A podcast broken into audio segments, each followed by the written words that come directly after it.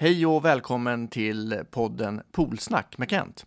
Ni når oss i sociala medier under hashtaggen poolsnack. Idag har jag med mig två gäster och de är Elisabeth Svantesson, arbetsmarknadsminister.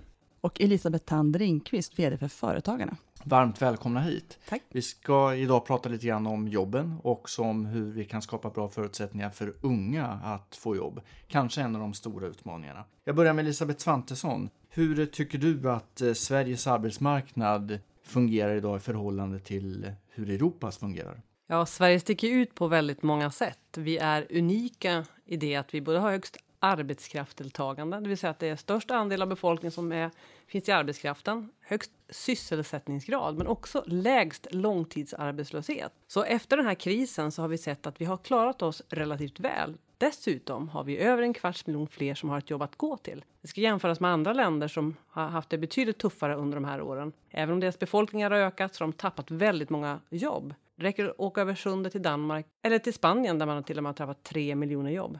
Det här med befolkningsökning, det är ju det som man brukar föra fram att egentligen så de här nya jobben i Sverige växt fram för att vi har haft en växande befolkning. Är det så enkelt att får vi bara några fler personer i det här landet så får vi fler jobb? Nej, det sker inte av en slump. Det är bra att vi blir fler i landet. Det underlättar också att fler kommer i jobb. Men eh, Spanien har också blivit väldigt många fler. Men de har tappat som sagt var 3 miljoner. Vi kan gå tillbaka till vår egen förra kris, 90-talskrisen. Där tappade vi över 500 000 jobb trots att vi blev fler i Sverige. Så det här sker inte med automatik. Det har skett på grund av en väldigt tydlig jobbinriktad reformpolitik där det både har blivit mer lönsamt att jobba men också underlättat jobbskapandet hos företag att våga växa och anställa. Ingenting kommer av sig själv. Vad är det som har gjort att det har växt fram med 250 000 nya jobb?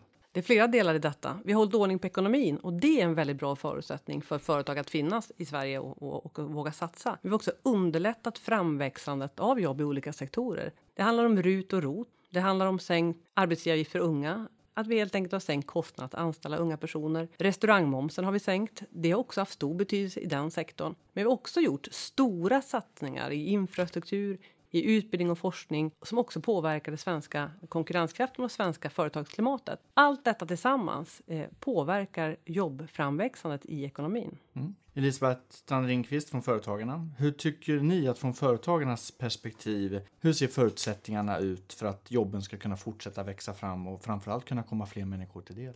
Det har skett en stor utveckling kring företagsklimatet i Sverige faktiskt de senaste ja, 10-20 åren. Man, eh, de, många av jobben skapas ju nu i de små företagen och det är en omvandling av hur Sverige ser ut. Från stora företag som förut hade allting hos sig till att de köper tjänster från många små. Så idag är det fyra av fem jobb skapas i företag med färre än 50 anställda. Och då påverkar, dels som Elisabeth säger, att man hållit uppe efterfrågan på den inhemska efterfrågan. Det har varit jätteviktigt för företagen, det ska man inte glömma bort. Utan den så är det liksom inga företag som har någon marknad. Sen är det tre stora frågor som företag har. Det måste, för att de ska kunna växa ännu mer, det är kostnader för att anställa, det är möjligheten att hitta rätt arbetskraft och det är finansiering utav tillväxt. Och det är klart att man börjar med en sista, finansiering har ju varit lite jobbigt de senaste åren efter finanskrisen. När det kostar att anställa så har regeringen gjort en hel del förändringar, både sänkt den generella arbetsgivaravgiften men också sänkt den då för, för unga. Uh, och det har haft betydelse för företagen och där vill ju vi förstås att regeringen ska gå ännu längre, eller en ny regering måste sätta in ännu mer resurser där så för att när fler vill anställa och man tittar på kostnaden för varje, då det är det viktiga steget för att få in unga och även de som stått länge från arbetsmarknaden in på arbetsmarknaden. Vilken åtgärd tror du skulle vara viktigast från politiken nu att arbeta fram för att skapa ännu bättre förutsättningar för framförallt de här små företagen? Alltså fyra av fem arbeten växer fram i, i de små företagen. Är det något mer vi kan göra för att underlätta för dem? Jag tror att det fortsätta på den inslagna vägen att hitta sätt att sänka kostnader att anställa. Och det finns ju både inom de generella skattesänkningarna, inom arbetsgivaravgiften, eh, där det ligger en hel del dolda skatter idag. En tredjedel av arbetsgivaravgiften är ren skatt. Och det beror ju på att vi inte betalar lika mycket till försäkringssystemet längre eftersom folk är friskare faktiskt. Och den andra kan vara också inom, så här, inom speciella grupper, att se till att man riktar arbetsgivarsänkningar så att de som har svårt att få ett jobb, att det blir billigt och enkelt att anställa dem. Och då är ju ungdomarna en av de gruppen som mm. har idag lite tufft att komma in och få sitt, sitt första jobb. Vi har ju då sänkt kostnader för att anställa dem. Har det betydelse överhuvudtaget? Ja, det har haft betydelse. Enligt våra företag så har det varit en viktig del för att de har valt att anställa just unga. Sen när man frågar företag generellt om de vill ha en generell, mer generell sänkning som riktar sig mot de mindre företag så säger de att ja, det vore ju bra förstås. Men om man vill komma åt de unga så har faktiskt, om man frågar dem, det varit en viktig eh, förändring. Om vi tittar på hur förberedda ungdomarna är idag till att kunna komma ut och få ett arbete. Upplever ni att eh, man kommer ut ifrån sina utbildningar klara och färdiga för att kunna börja arbeta? Nej, det gör man ju inte. Samtidigt går ju unga allt längre i skolan och måste göra det. För, för företagen kräver att man kan engelska, man måste kunna ganska mycket mm, ha liksom bättre kvalifikationer idag än man behövde för 20-25 år sedan. Det gäller oavsett om man kommer ut från gymnasiet eller om man kommer ut från eh, högskolan idag så är det många som läser in sina dubbelexamina för att få exakt det jobb som de vill ha. Så kraven har ju gått upp väldigt mycket. Och företagen säger det att det är väldigt viktigt att ha en fullgod gymnasieexamen för det visar att man har ett kvitto på att man kan liksom, fullgöra det som man har satt sig för att göra. Så därför är ju alltså, den grundläggande skolutbildningen såklart också väldigt, väldigt viktig. Men där har det också blivit enklare och är någonting som vi har jobbat väldigt länge med inom företagen att få lärlingssystemen att fungera bättre. Därför att det finns många jobb som måste ha en kombination av utbildning och lärling där det ska vara enkelt för företagen att vara handledare och, och att det ska vara lättare att vara en del av eh, de ungas insteg på arbetsmarknaden. Och där finns det tror jag ännu fler saker att göra. Där de, jag upplever att vi, vi prövar oss fram lite grann i någonting som, som var ett fungerande system för väldigt många år sedan. Så måste vi hitta tillbaka till det sättet idag.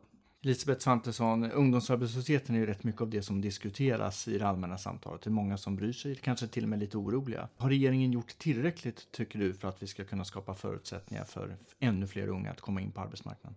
Jag tror det är viktigt att se att det finns mer att göra. Vi är inte klara. 50 000 fler unga har ett jobb att gå till idag jämfört med 2006. Men vårt jobbmål är att 350 000 nya jobb ska växa fram till 2020, där är unga en viktig del. Men det är också viktigt att se att de flesta unga kommer i jobb fort. Man går inte arbetssökande länge utan man är i jobb snabbt. Och det vi måste göra mer, det är för de ungdomarna som har en större utmaning. Och då är utbildning A och O. För arbetsmarknaden har förändrats och ungdomar vet att man måste göra klart sin gymnasieutbildning. Här har vi satsat stora resurser för att motivera tillbaka och också ha generöst studiestöd för att man faktiskt ska göra klart sin gymnasieutbildning. För de, de unga som har det lite tuffare så har vi hamnat i en politisk diskussion att det påstås från oppositionen att ha sänkt arbetsgivaravgifterna ger ingen nytta, det är dyra jobb plus att man pratar om något slags 90 dagars garanti. Är det det här som är lösningen tror du eller är det några andra insatser vi behöver göra? Vad vi gör är att vi jobbar brett med olika typer av insatser. Unga har ju generellt svårare att ta sig in på arbetsmarknaden än vuxna. Därför har vi generellt sänkt kostnaden. Vi måste också just specifikt rikta in oss på de som har det tuffast. Då ska man komma ihåg att redan från dag ett har alla unga rätt till förmedlingsstöd. Men de unga som riskerar långtidsarbetslöshet, exempelvis de som inte har gjort klart sitt gymnasium, de ska ha en insats från dag ett. Det finns en mytbildning hos oppositionen att det inte är så. Men 90 dagars garantin, det är ju ett gammalt koncept som har prövats, det har dömts ut av forskare och det skrotades av Göran Persson därför att det inte funkar. Just med tanke på att de allra flesta snabbt kommer i jobb, då ska inte alla in i en AMS-åtgärd från första dagen. Om du skulle säga två åtgärder som är viktiga för att unga att få jobb, vilka två tycker du det skulle vara?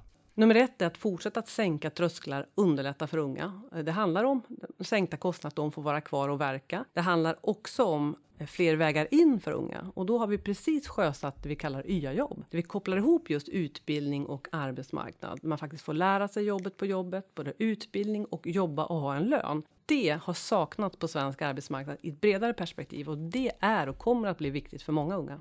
Elisabeth Tandringqvist som går över till Företagarna. Eh, hur ser ni på just de här eh, ungdomarna och sänkta trösklar? Kan politiken göra något mer eller är det så att Företagarna också kan göra någonting för att bidra till att göra det lättare att anställa ungdomar?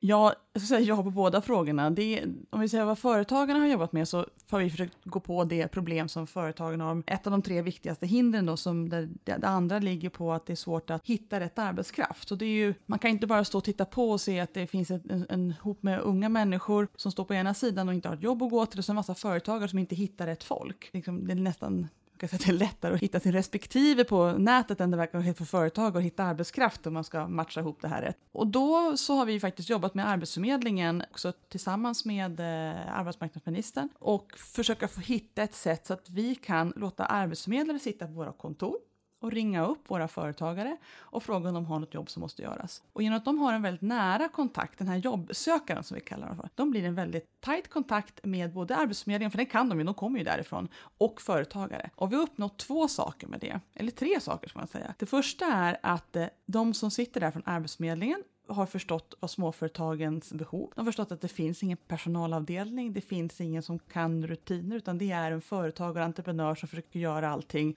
under dygnets alla timmar. Det andra är att eh, vi har byggt trovärdighet om att Arbetsförmedlingen faktiskt kan fungera på, på flera ställen där vi prövat det här runt om i Sverige.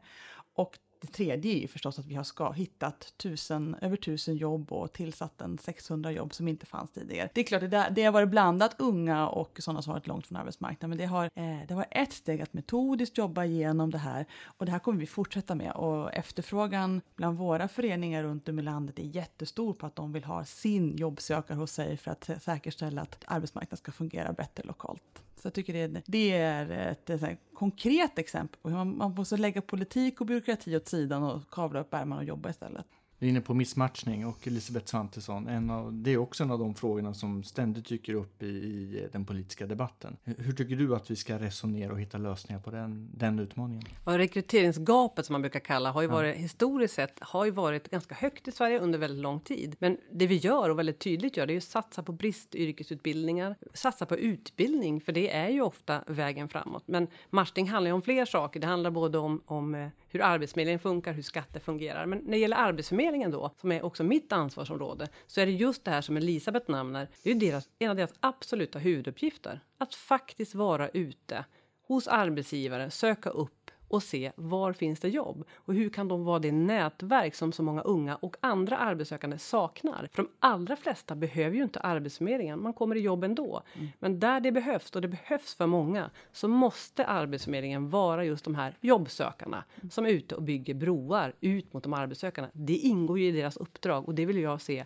på mycket bredare front. Vi ser när vi frågar våra företagare vad man hittar, hur man hittar sina anställda, så är det ju personliga nätverk och det visar sig att det var bättre att gå till företagaren eh, spontant än att gå via Arbetsförmedlingen. Och det är klart att det är bra för sådana som har goda nätverk och känner sig modiga och gott kurage, men om man inte har dem så är det ju viktigt att även de här alltså förmedlingsservicerna fungerar. Och, och för, för småföretag så är ju Arbetsförmedlingen viktig därför att de har inte råd att använda, alltså köpa tjänsten eh, rekrytering och sånt där, utan de vill ju kunna lita till att det som vi offentligt har betalt för är någonting som också fungerar för dem.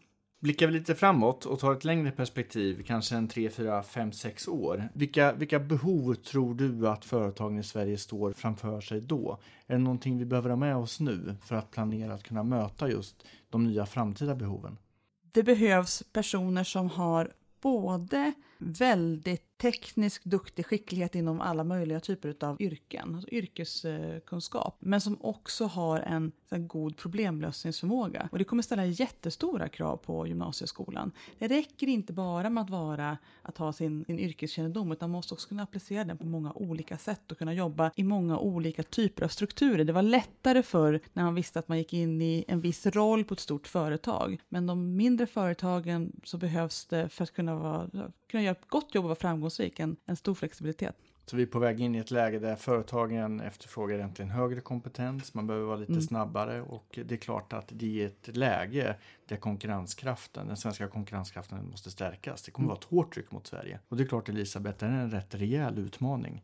Vilket resonemang har du kring det? Det är en väldigt stor utmaning därför att vi vet också att det finns personer som inte alltid matchar alla de krav som arbetsgivaren faktiskt skruvar, skruvar upp nu. Bara efter den här krisen så, så ser vi att arbetsgivare ställer högre krav, större krav på sin personal. Och det är förståeligt, man kan ställa vilka krav man vill. Men man måste också fundera på hur ska alla få en plats? Hur ska vi underlätta för alla att finna då en plats på arbetsmarknaden? Och då är ju arbetsmarknadspolitiken viktig, att fortsätta stötta de personerna som har svårast. Det är viktigt att vi fortsätter att jobba med olika typer av subventioner, underlättar jobbinträde. Men för min del, och det jag har presenterat nu, det handlar om matchningsanställningar också. De som står allra längst bort, som har varit borta långt ifrån arbetsmarknaden, som inte når upp till de här kraven. Arbetsgivare vågar inte riktigt anställa de personerna som har stått utanför länge. Då är ju förslaget som vi vill gå fram med nu, det är att man då ska vara anställd hos ett rekryteringsföretag, matchningsföretag en trygg anställning, men man utför arbetet ute hos en annan arbetsgivare. Så den tar inte arbetsgivaransvaret och så får man handledning och utbildning under tiden.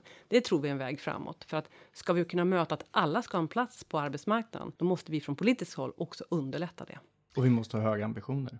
Definitivt, därför att vi kommer ställas och fortsätta ställas under för väldigt högt tryck. Och då behöver vi både välutbildad eh, befolkning. Vi behöver fortsätta satsa på utbildning, men samtidigt klara av utmaningen att alla inte kommer att bli civilingenjörer. Alla inte kommer att satsa på de här långa utbildningarna. Så vi måste klara både och. Och här är vi kanske inte riktigt överens om som delar av det här, för att vi säger ju också när man har många små företag och de är familjeägda så eh, är det ju väldigt många som står utanför den svenska modellen och inte en del av den, den fackliga organisationen. Och många av de åtgärder som finns idag på arbetsmarknaden, de kräver att man har ett kollektivavtal. Eh, så där ser vi fortsatt arbete för att säkerställa att man kan ha kollektivavtalsliknande villkor och därmed också kan vara en del av KY-jobb och andra saker i framtiden. Men jag tror att det, med viss erfarenhet av hur det har fungerat så tror jag att vi kommer att kunna komma närmare där också. Vi är på väg in i en valrörelse. Jag är alldeles övertygad om att jobbfrågan kommer dominera valspurten och här har vi också från oss en, tydlig ambitionshöjning från Moderaterna, 350 000 fler i arbete. Och det är klart att eh, Elisabeth, eh, du har ju varit ute i debatten och också då lite tillspetsat sagt att politiken kan inte skapa arbeten. Vad menar du med det? Jag menar att eh, jag hör en opposition som lovar allt till alla. Man lovar jobb till alla unga. Eh, då ska man dra åt sig öronen. Därför att jobben kan inte skapas av oss politiker. Man kan inte i en budget skriva en, en mening om att nu har vi fixat 20 000 jobb. Då är det någon slags åtgärdsplatser för det första. Det är inte jobb. Jobben växer till hos arbetsgivare som vill växa och anställa. Det ska vi underlätta och det gör vi till exempel med sänkta kostnader, minskat regelkrångel och så vidare. Det är där politiken måste riktas in. Kan politiken skapa jobb? Nej, politiken kan bara se till att förutsättningarna är så goda som möjligt för att skapa jobb. Och vi, vi har en, eh, mycket samtal med kommunpolitiker för att de ska förstå att eh, deras skatteintäkter kommer till stor del från småföretagen. Det de som är anställda i småföretagen är de som skapar skatteintäkter till kommunen. Och i vissa kommuner så är det kanske 20 procent av skatteintäkterna som kommer där och på vissa kommuner så är det nästan 50 procent av deras skatteintäkter som kommer från företagen med färre än 50 anställda. Och därför blir det viktigt för dem att förstå hur de de ska liksom, rulla ut röda mattan för småföretag som finns där eller etablerar sig eller vill växa för att säkerställa att jobben stannar i deras kommun. För det är deras enda framtid. Vi börjar närma oss slutet. Det går fort när man har trevligt och roligt, en bra diskussion. Det här är podden Polsnack och jag tänkte avrunda med att ni var och en ska få beskriva vilken framtid ni tror att vi går fram emot och hur det påverkar unga. Det vill säga mycket av Sveriges framtid, den kommer faktiskt utformas och byggas av det som är dagens unga. Och vilket medskick har du till dagens unga, Elisabeth Svantesson? Först ska man veta att den ljusnande framtid är de ungas, eh, av många skäl. Ett skäl är att vi, det blir allt fler äldre, många lämnar arbetsmarknaden. Många branscher och sektorer kommer inom de närmaste åren att ropa efter arbetskraft. Med en utbildning i bagaget så har man goda möjligheter att forma sitt liv framåt i Sverige. Det, ibland blir det ju väldigt mörka bilder av svensk arbetsmarknad. Jag upplever att oppositionen ofta kommer med någon slags skräckbild. Låt oss då komma ihåg att vi har ett starkt, vi är en stark utveckling. Många får jobb och jobben kommer att fortsätta växa. Vi har ett tydligt jobbmål och många lämnar arbetsmarknaden. Med detta har våra svenska ungdomar en väldigt ljus framtid. Lisbeth Tandringqvist, vilket medskick har du till dagens unga? Att man ska slutföra den utbildning man håller på med och se till att man funderar på vad, och komma fram till vad man känner att man är bra på och vill hålla på med det har aldrig funnits så goda globala möjligheter för att starta småföretag och kunna överleva. För marknaden finns där genom alla de möjligheter du har i sociala medier att hitta finansiering, marknadsföring, produktion. Eh, det är helt fantastiskt och vad man än vill lära sig finns sitt YouTube-klipp inte alls långt från dig. Så att eh, möjligheten att starta och driva företag, jobba i nätverk eller anställa någon har aldrig varit så goda. Ni har lyssnat på podden Polsnack med Kent. Ni kan fortsätta följa oss via hashtaggen poolsnack. Skicka gärna in era frågor och synpunkter och på återhörande i nästa program.